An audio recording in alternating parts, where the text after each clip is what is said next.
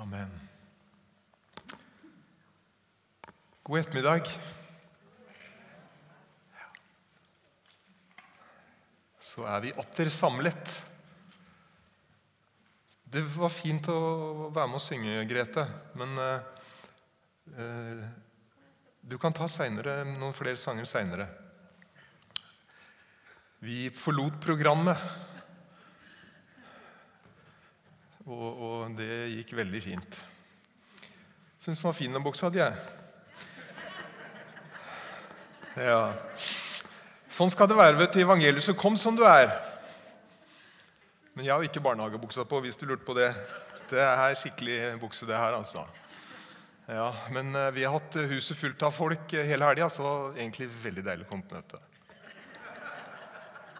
Ikke sant, Inger? Ja. Det er alltid hyggelig å se deg. Mm. Ja, takk skal du ha, Turi. Sånt varmer. Um, jeg har, eh, jeg har jo uh, jobba litt med en bibeltekst, og så endte jeg opp med den overskriften her. Jeg vet ikke om den er god, men uh, det, det, er min overskrift i dag. Menighetsfelle Guds arena for å utruste oss. Vi tror jo på en måte at det, For det første så tror vi at Gud vil gi oss et, et godt liv, selv om det kan være krevende. Og livet kan være krevende. Men, men, vi tror jo det å åpne livet sitt for Jesus, det, det, gir oss et bedre liv. Og det gir oss fremfor alt et liv med, med, med, med mening.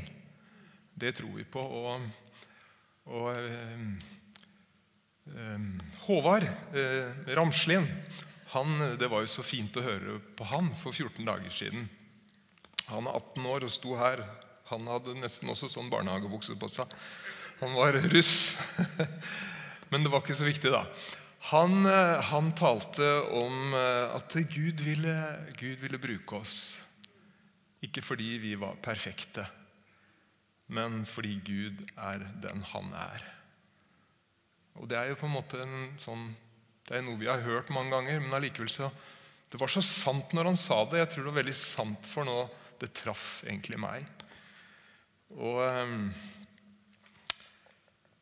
det syns jeg også gjør livet mitt eh, spennende. Å vite at jeg har, jeg har åpna meg for, for Gud. da. Og sagt til han at jeg, jeg, ønsker å Som du sier ofte, Alf Arne, jeg ønsker å være disponibel for Gud. Hva han ønsker. Og da tror jeg faktisk livet kan bli større. Ja. Og så sa Håvard da at eh, han sa bl.a. at Gud kaller ikke de kvalifiserte, men han kvalifiserer de han har kalt. Og, og så hadde jeg lyst til å For jeg syns jeg fant noe i den bibelteksten som jeg snart skal lese, om akkurat det her. Ja, Men hvordan, hvordan, hvordan blir jeg kvalifisert, på en måte, da? Ehm, hvordan gjør du det, Gud? Hvordan blir jeg kvalifisert til å tjene deg i det som eh, er mye større enn mitt lille liv? Um, og, og um, Det har jeg lyst til å si litt om i dag. Det er ikke alltid vi føler at, vi, at Gud bruker oss så veldig. Noen ganger så, så kunne vi ønske at han brukte oss enda mer. Har du det sånn noen ganger? Ja. Og det er klart Vi kan noen ganger bruke veldig store ord, og så, og så, snakker vi om litt sånn store personligheter i Bibelen. Så kjenner vi at vi klarer ikke helt å identifisere oss med dem. Da tenker jeg at vi må tenke sånn at du er den du er. Og du kan si at det, det er ikke sikkert du får de store overskriftene, men det kan hende det du gjør, har og er en viktig brikke i det store bildet av det som Gud gjør. Det syns jeg er en viktig tanke og en spennende tanke. Og Så eh, skal jeg lese da den bibelteksten sammen med dere. Det er fra Johannes kapittel 20 og vers 19 til 23.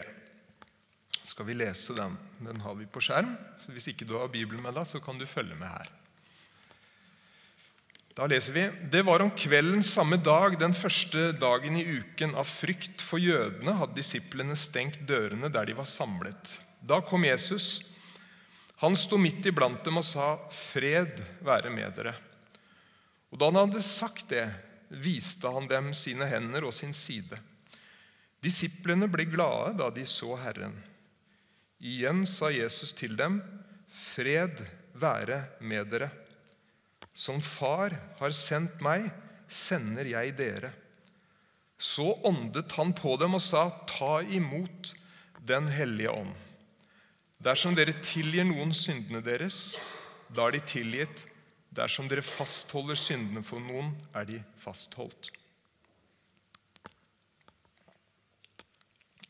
Og så skal jeg sitere, eller jeg kan jo lese det, jeg har det på skjermen faktisk. Denne teksten her også. Det er en tekst vi ofte siterer når det er få folk på møte. Og den lyder sånn For hvor to eller tre er samlet i mitt navn, der er jeg. Amen. Den er også viktig å få med. Og så, og så, har jeg prøvd å leve meg litt inn i denne situasjonen som disse var i. Dette er jo på slutten av første påskedag. Og mye har gått gærent, for å si det sånn. Det står jo at eh, de hadde stengt dørene, så de, de følte seg trua. De var, de var fryktsomme, og, og alt hadde jo gått feil. Så, så mye de hadde satsa på, på, på, han Jesus. Så du kan si at det utgangspunktet da, for det store prosjektet til Jesus det kunne ikke vært dårligere. Og Når jeg betrakter disse folk her, så tenker jeg at Jesus burde vært bekymra. Hvordan skulle det gå med, med hans prosjekt om å vinne verden? Og Når jeg liksom tenker meg inn i denne situasjonen, så, så ser jeg det at det, de folka her de hadde, de hadde overhodet ingenting å legge på bordet i det som venta dem, i det store oppdraget. De var, de var redde. De, manglet, de trodde jo ikke på Jesu oppstandelse engang. De mangla frimodighet. De kjente på mislykkahet. Og de kjente også på skyld, tror jeg, på at de hadde svikta, og de kjente på fordømmelse. Og ingen av dem Vi er jo opptatt av titler og sånn ofte. ikke sant? Han har doktorgrad. Oi, han tror jeg vi må høre på. Men ingen av dem hadde, hadde de menneskelige forutsetninger for å lykkes. Og De fleste av dem var jo fiskere av yrke, og de var uskolerte. De hadde på en måte ikke forutsetningene. Du har hørt de ordene her før, men prøv å, prøv å tenke deg inn i den situasjonen. De var på et nullpunkt, altså. Nå håper jeg ikke du er der. Og håper aldri du kanskje kommer så langt ned, for jeg tror de var lenger nede enn kanskje noen av oss har vært. Og så sitter de der.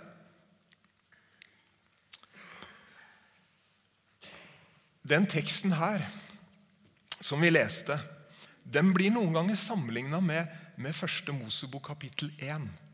Og det er når, når, Gud begynner å skape og fylle, fylle en tom verden. For det er noen sånne klare paralleller med det som skjer i skapelsen. Blant annet så står det jo der, for oss som har lest i Bibelen, at det, og jorden var øde og tom og mørket lå over dypet. Det var tomt, og det var mørkt. Og på en måte kan man si at det, I den forsamlingen her også så var det sannelig tomt. Og det var mørkt dypt inn i disiplene. Det var det. Men så skjer det noe, da.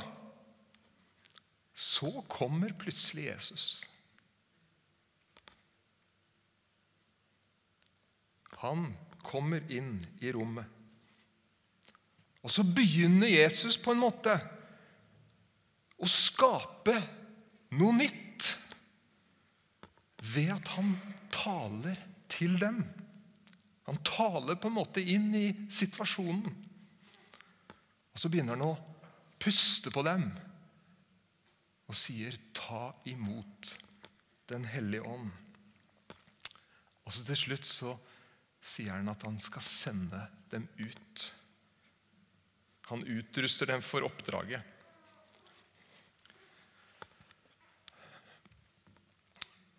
Og det er noe med det at det, han som er himmelens og jordens herre, han er også høstens herre. Ser du det?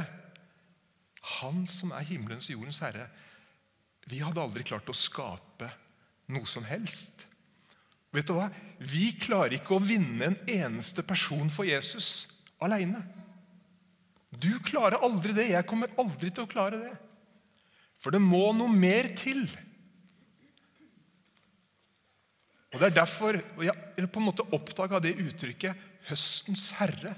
Ja, vi er helt avhengig av Gud for at mennesker skal komme til tro på Han.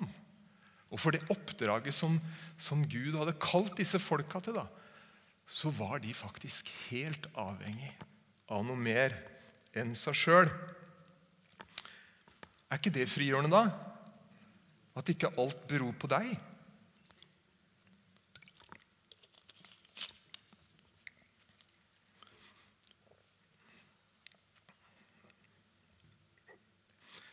Og så er det noe med at den utrustningen som de opplever da, i dette møtet med Jesus, det skjer i fellesskapet. Og Det var liksom det jeg tenkte. Her er det et poeng. Og så har jeg skrevet at Denne teksten minner oss om hva som skjer hver gang vi kommer sammen i Jesu navn. Er du enig i det? Denne teksten minner oss om hva som skjer hver gang vi kommer sammen i Jesu navn. Vi har så lett for å tenke på de store opplevelsene. Oh, det, er, det kan være viktig, altså. Det kan virkelig være viktig. Men allikevel, det skjer noe hver gang vi kommer sammen i Jesu navn.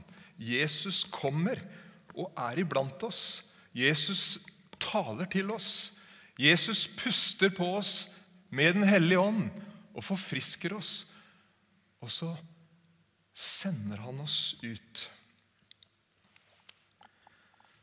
Ja, det virker som dere er enige hittil. Eh, nå skal vi se. Det er noe som jeg hadde lyst til å si til dere. Og Det er det her at det, er et forhold mellom det å samles og sendes. Jeg husker alltid før, liksom vi, særlig før da, Nå hadde vi jo besøk forrige søndag av misjonærer, men de var jo på en måte ikke våre egne folk. Men jeg husker Før liksom, så var det ofte at vi, vi i større grad da, vi sendte misjonærer ut. Og det var, det var, jo fest. Det er jo stort. Nå sender vi noen ut til misjonsmarka, liksom. Og så er Poenget mitt her som jeg skal si noen få om, det at det er et forhold mellom å samles og det å sendes.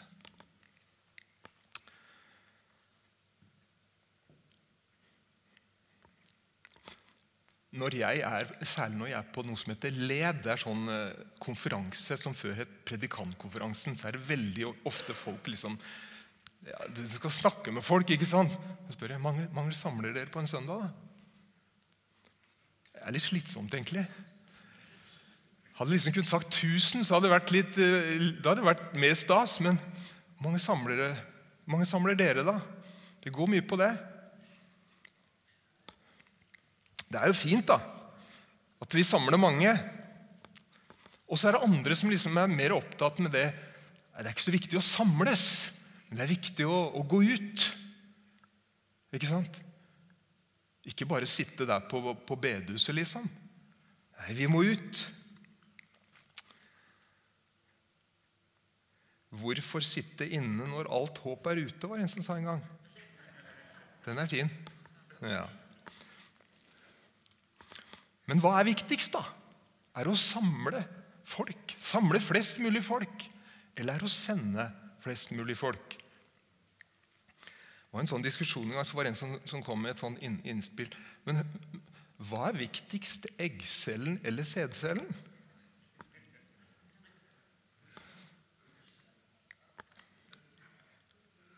Men det viktigste det er å se at det er en sammenheng mellom disse to.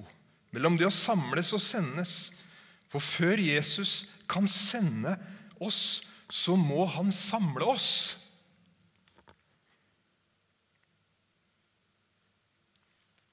For jeg tror at det er i sammen med han og i fellesskapet at han utruster oss og kvalifiserer oss.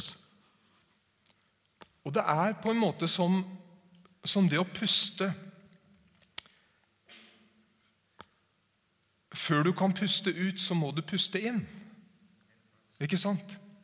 Og du kan ikke bare puste inn og bare puste ut. Men vi puster inn, og vi puster ut. Det er jo, som, det, er det som gjør at vi lever. Men var, var ikke det, er ikke det litt interessant, det her? Det er et forhold mellom å samles og sendes. Jesus må samle oss før han kan sende oss.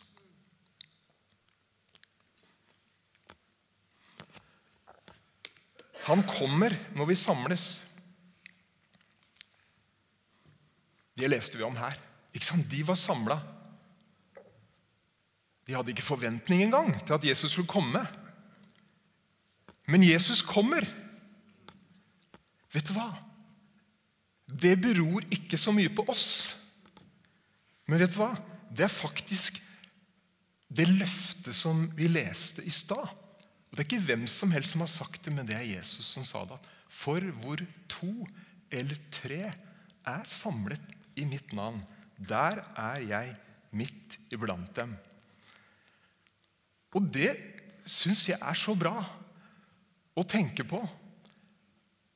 At når vi kommer, så kommer også Jesus. Og den bevisstheten om at Jesus, den oppstandende Jesus, han er iblant oss.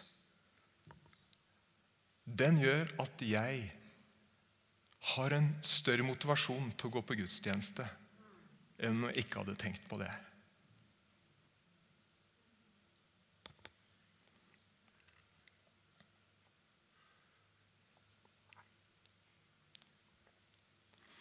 Når jeg leser det her, så ser jeg også at det, det, det, er, ikke noe, det er ikke noe som lenger kan hindre Jesus i å komme nær engang.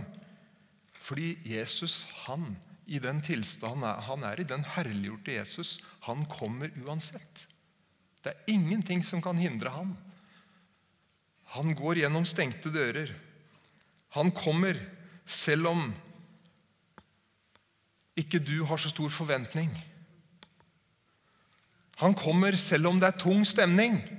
Her var det tung stemning. Å, fy av meg. Men han kommer. Han, opps han oppsøker alle steder hvor to og tre er samlet i hans navn. Og så sto det noe interessant, som vi leste, står at det, han stilte seg i sentrum. Hva var det vi leste? Da kom Jesus. Han sto midt iblant dem, står det. Og Det er interessant å legge merke til. Det er jo en nesten lignende tekst rett etterpå, hvor Thomas kommer. Han var jo ikke der. Det står akkurat det samme. Da kom Jesus, og han sto midt iblant dem. Hva betyr det? Det betyr at Jesu plass er alltid i sentrum. Jesus passer ikke noe annet sted. Og vi som akkurat har feira påske, vi ser også der, selv på korset, i Jesu dypeste fornedrelse, så er Jesus i sentrum. Han henger mellom to røvere, og Jesus midt imellom. Var det tilfeldig? Nei. Det er på en måte for å fortelle oss at Jesu plass er ikke hvor som helst, men den er i sentrum. Han er universets sentrum. Og så ønsker han å være sentrum i ditt og mitt liv.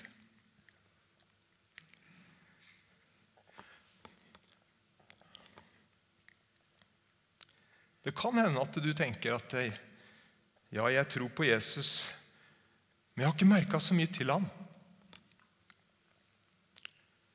Men grunnen kan være at han ikke har fått plassen sin. For du kan ikke tilby Jesus noen annen plass, fordi hans plass er i sentrum. Og jeg tror at det, dersom vi vil erfare mer av den herliggjorte Jesus i livet våre, så må Jesus få plassen sin. Og fra den plassen så vil han begynne å tale til oss. Og han vil begynne å puste på oss. Og så vil han begynne å sende oss.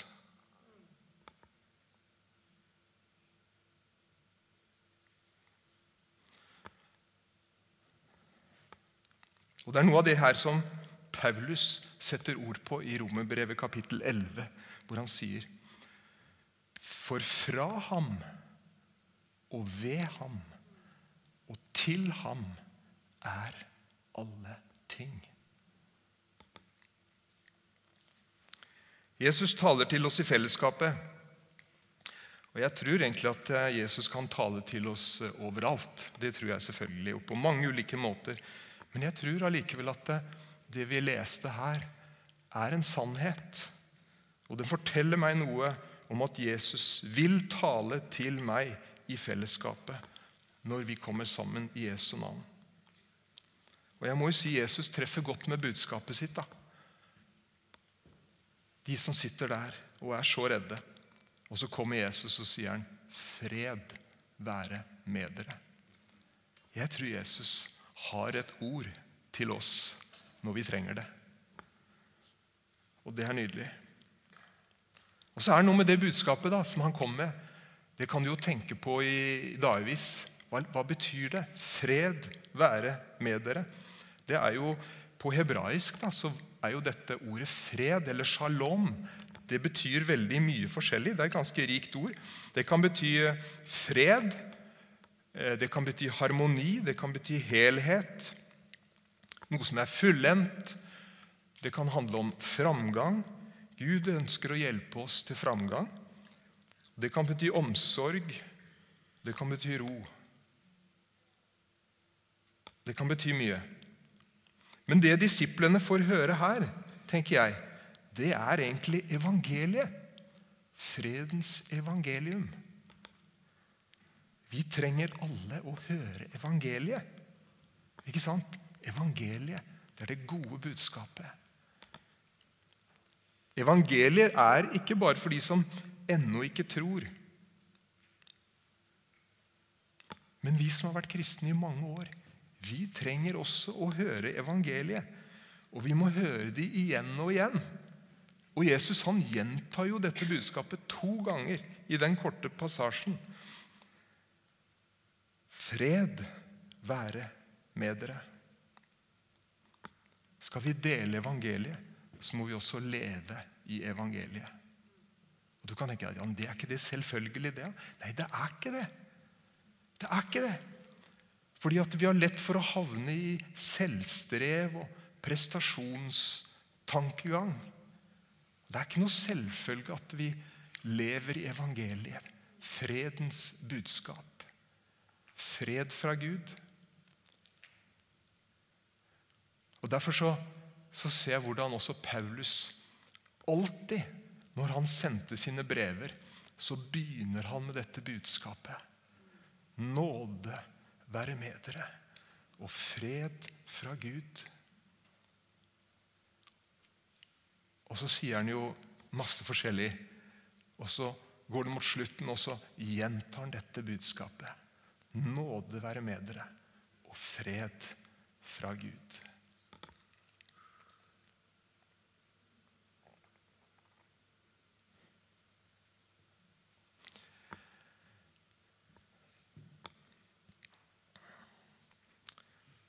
Han utruster oss i fellesskapet. Vi klarer litt til. Han utruster oss i fellesskapet.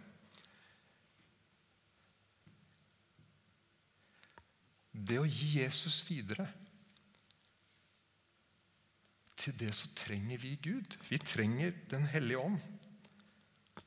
Og han må utruste oss. Og jeg tror mer enn noe så trenger vi å utrustes med Den hellige ånd. Og når vi tar imot Jesus, så får vi Den hellige ånd. Det må vi holde helt klart for, oss. Men vi trenger å fylles av Den hellige ånd hver dag. Og jeg ber veldig ofte på morgenen Gud, fyll meg med Den hellige ånd i dag. Og så kjenner vi kanskje noen ganger at eh, nå er det litt tungt, eller nå er det litt tomt. Tungt og tomt, ikke sant? Og vet du hva? Da tror jeg noen ganger faktisk det skjer bare at han, han, han bare han rydder litt opp i livet ditt, sånn at du kan få plass til mer av Den hellige ånd. Det er noe med det.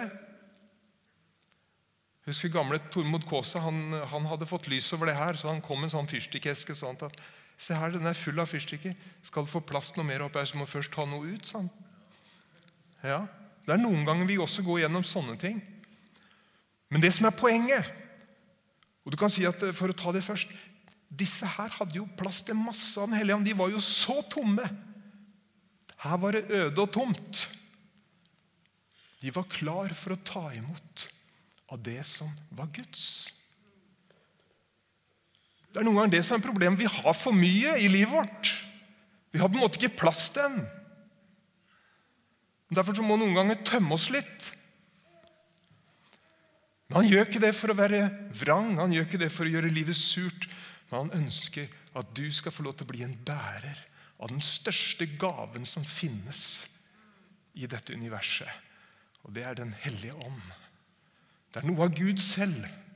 Det er en kapasitet, og det er en natur som vil gjøre noe med ditt og mitt liv og føre oss i en retning som han ønsker. Og få fram gaver som du ikke kanskje har i deg sjøl. Ja.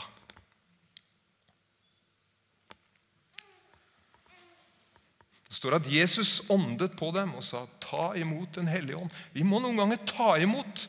Vi noen ganger, må, må noen ganger si, 'Ja, Herre, kom, jeg tar imot din ånd, og jeg trenger det'. Men så har jeg lyst til å si også det at jeg tror Uansett hvordan du tar imot dette. Jan Tore sa at vi ønsker å være med og be hvis du vil bli bedt for etterpå. Enkle bønner. Men vi tror at det formidles også noe gjennom håndspåleggelse og bønn. Apostelens gjerninger er full av eksempler på det. Og I tillegg til det så tror vi også at det, det å komme sammen Det som disse opplevde her, det er på en måte en modell for det å gå på gudstjeneste. Og Den forteller om at det, det formidles noe av ånden over ditt liv når du kommer. Det er ikke sikkert du er enig i det, men jeg tror på det. Fordi Jesus har sagt at han er her. Og Når jeg leser det her, så ser jeg at han blåser på dem. Han ønsker å forfriske dem ved Den hellige ånd.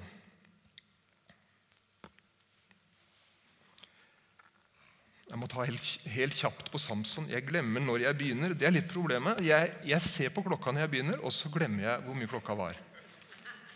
Enten så er det alder, eller så, eller så er det noe annet. Ja. Bare si helt kort at når jeg var liten, så leste jeg barnebibelen. Og jeg leste om Samson. Husker du han? Og jeg likte så Samson. Og det var fordi at han var så utrolig sterk. Og jeg ønska jo å bli sterk. Han hadde jo superkrefter.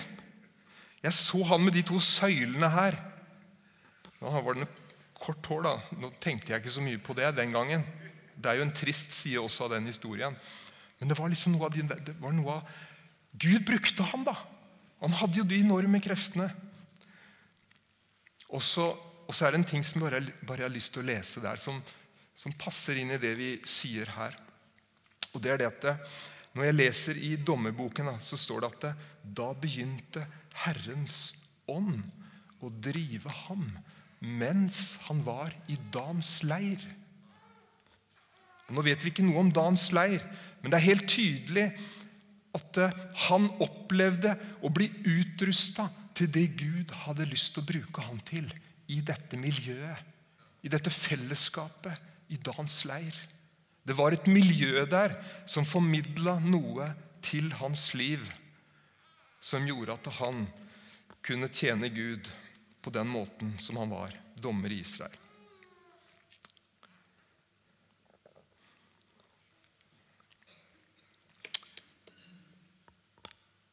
Han utruster oss i fellesskapet. Den er jeg ferdig med. Ut fra fellesskapet sender han oss. Det er siste punktet. Som Far har sendt meg, sender jeg dere, leste vi. Og Det er noe aktivt over det ordet her. Og det er det som er noe av poenget mitt i dette fellesskapet med Jesus. Når han er iblant oss, så påvirkes våre liv i en bevegelse mot noe, tror jeg. Det er ikke sikkert det skjer i ett møte, det er ikke sikkert det skjer én gang. Selv om jeg har gjort viktige erfaringer i dette fellesskapet som heter Evangelius og Porsgrunn. Og jeg kan huske episoder. Men allikevel så tror jeg at det, det handler om at i fellesskapet så påvirkes jeg av Jesus. Gjennom hans ord, gjennom hans ånd og gjennom de menneskene som jeg er sammen med. At det tar meg i en retning. Skjønner du hva jeg mener? Over tid så tror jeg Jesus får oss i den retningen som han ønsker, hvis vi ønsker.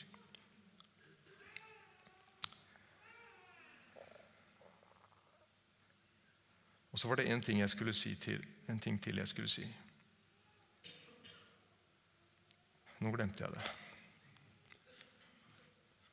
Ut fra fellesskapet sender han oss. I Apostelens gjerninger 13,2 så står det en gang mens de feiret gudstjeneste for Herren og fastet, sa Den hellige ånd, ta ut Barnabas og Saulus for meg så de kan gå til den oppgaven jeg har kalt dem til. Ut fra fellesskapet så sender han oss. Ikke bare at vi vedtar ting, men det skjer noe i fellesskapet som vil hjelpe deg til å komme mer og mer på plass og i den retningen som Gud har tenkt for ditt og mitt liv. Amen.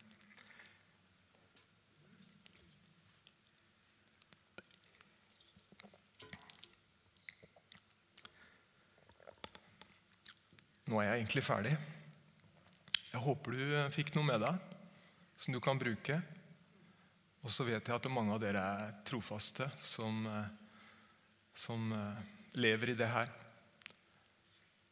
Og så kan vi glede oss over at vi er under Jesu påvirkning. Ja.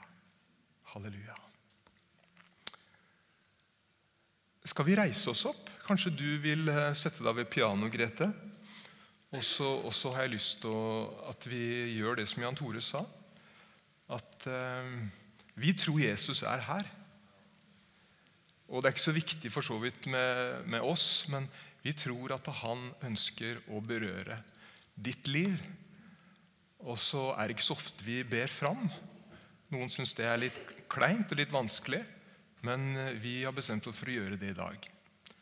Så kanskje hvis vi synger et, eh, et, en sang, et kor, så har vi lyst til å gjerne be en enkel bønn over livet ditt. Og be om at eh, du blir fylt med Den hellige ånd i den situasjonen du står i. Og hvis du ikke har kanskje tatt imot Jesus, tatt noe bestemt valg for det, så kom, så, så skal vi hjelpe deg med det. Amen. Så gir vi mulighet til det nå, eh, noen minutter før vi eh, går over til å feire nattverd.